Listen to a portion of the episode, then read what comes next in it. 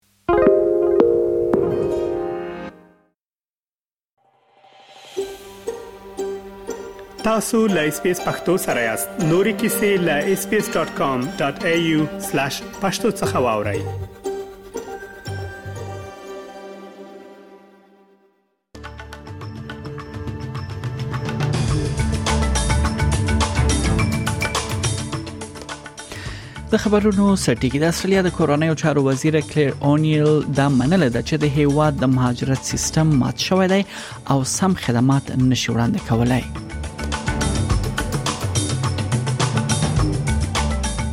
ولخوا ملګرو ملتونو افغانستان کې د سخت لوګي خبرداری ورکړی.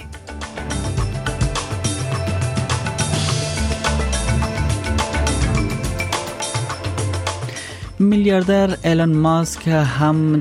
چټ جی پی ټی یا د مصنوعي ځیرکتیا یو نوې آله یا پلیټفارم رامنځته کولو اعلان کړی دی چې دا غ نوم یې تروت جی پی ټی ورکړی دی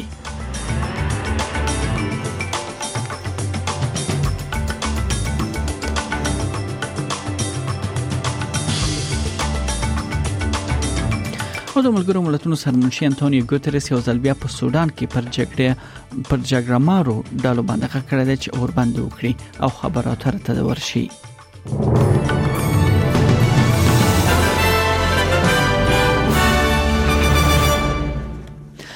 او دا هم بشپړ خبرونه د استرالیا د کورنیو چارو وزیر کلیر اونیل دا منل ده چې د هیواد د مهاجرت سیستم مات شوی او سم خدمات نشي وړاندې کولای د استرالیا د مهاجرت سیستم یو بشپړ سیړنه تر سره شوې ده اغل اونیل وایي چې د استرالیا د مهاجرت او ویزې سیستم په اړه یو راپور چې تیر کال په ورسېو کې جوړ شوی او د مې په میاشت کې د فدرالي بودجې لسپارلو د مخه به د خبر شي د ماجرا سیستم بیا کتنه د خزانه د پخوانی وزیر مارټن پارکنز لخوا رهبری کیږي د ویزې پروسس کولو سیستم کې خند او زند او د مهاجرو کارګرانو څخه ناوړه کار اخیستلو د ادعا وروسته د ماجرا سیستم بیا کتنه شوې ده او تیار شوی رپورت راتلونکي میاش وړاندې کیږي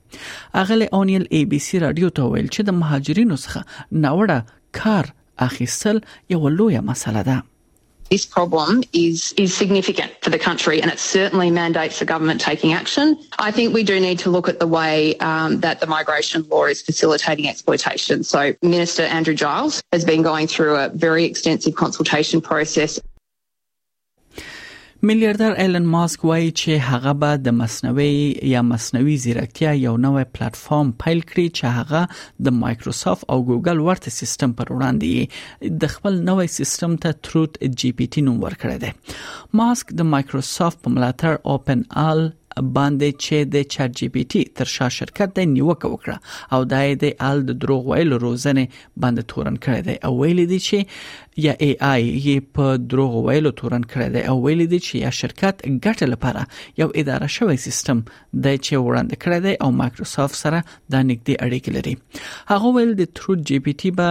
د اعظمي حقیقت په لټه کې د ای آی یو برخه وی چې کائنات په ماهیت باندې به هم د پهیدو هڅه وکړي ماسک زیاته کړه چې دا یو خوندي ماډل دی ترڅو د سیستم د کائناتو درکولو په اړه فکر وکړي او دا هم امکان نه لري چې د دې سیستم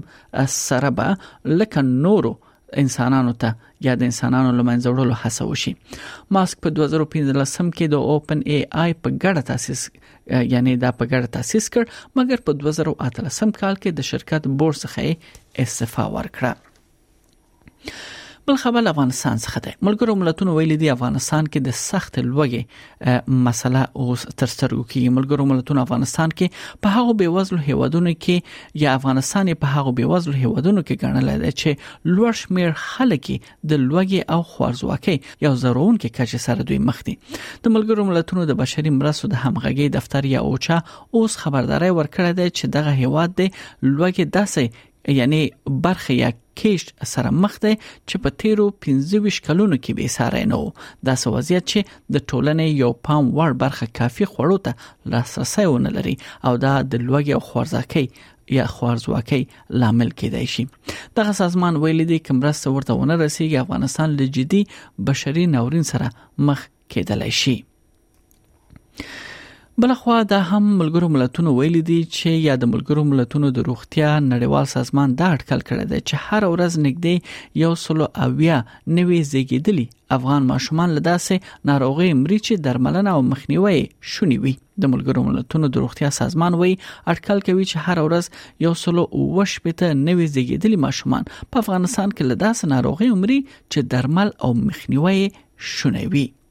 بل خبر له استرالیا څخه دی کوینزلند کې په کال کې یو ځل د کرایې زیاتوالی محدودولو لپاره د نوي قانون تصویب وروسته د ملکیت د لا زیاتو اصلاحاتو تمه کیږي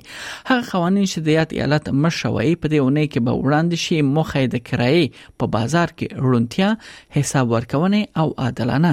او دغه سیستم عادلانه کول دي د کور جوړولو وزیر لین انک ومنله چې د کور اوسنۍ بازار کې بې ساري فشار شتون لري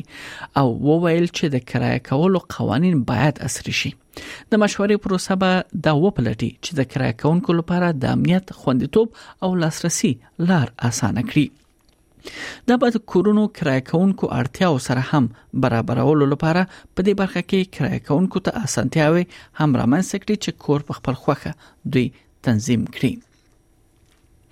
د استرالیا یو لوی مشورتي شرکتونو یو څنګه دوی لاغو څخه اقتصاد پوهانو د استرالیا د ریزرو بانک یا مرکزی بانک لخوا د سود د نرخ دوه ورسې زیاتوالی یو غیر ضروری عمل په توګه دوی تشریح کړی دی او وایي چې دوی به د مصرف کمولو لامل شي دا وړاندوینه د آر بي ای د اپریل غونډې څخه څو دقیقې وړاندې راځي چیرې چې بورډ په پله پسې توګه د لس سود نرخ لړېدو وروسته دوی وقفه غوړه کړې و ډیلایټ اکسس اکونومکس راپور وایي چې د ورسي 50 اساسي ټکي زیاتوالی غیر ضروري وو چې اواز د استرالیا اقتصادي وده لید کمزوري کوي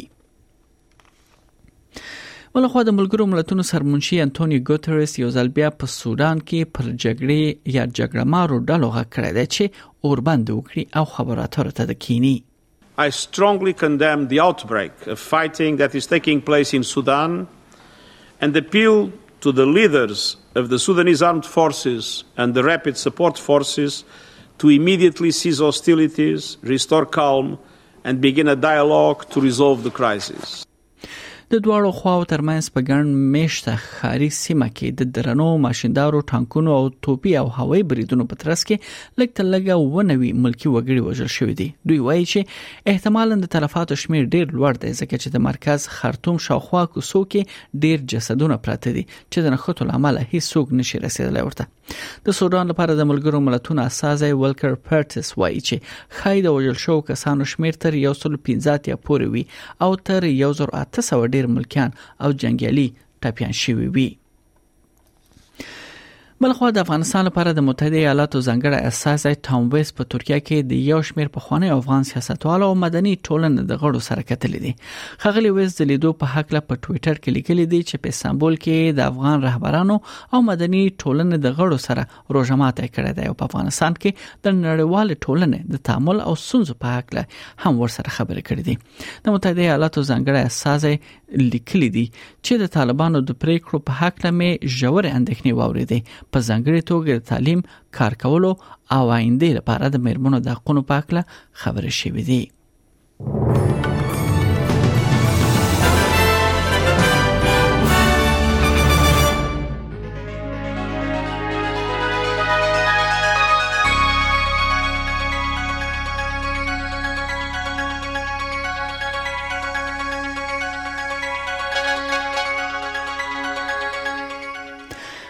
د هم د اصلي ډالر پر وړاندې د زونو بهرنۍ اسعار به په نړیوالو مارکیټونو کې یو اصلي ډالر 0.8 امریکایي سنت یو اصلي ډالر 0.18 یورو سنت اته 50.22 افغاني روپی یو سل نه هتیا اشاریه شپږ 50 پاکستاني روپی یو اصلي ډالر 55 هندۍ روپی 2.8 اماراتي درهم او 0.450 انګلیسي پنسه ارزښت لري د هم د استرالیا د زونو خارونو نن لپاره د تودوخه تر ټولو لوړه درجه هغه هم د سانتیګریډ په کچه سیدنی کې اسمان برګ دی درویش په ملبن کې اس... هوا مریض ده 22 په برزبن کې اسمان برګ وویش په پارت کې هوا مریض ده 15 په اډلټ کې هوا باراني ده درویش په هوبرټ کې هوا باراني 22 په کمبيرا کې هوا مریض ده 21 او په اخر کې داروین هلته هوا مریض ده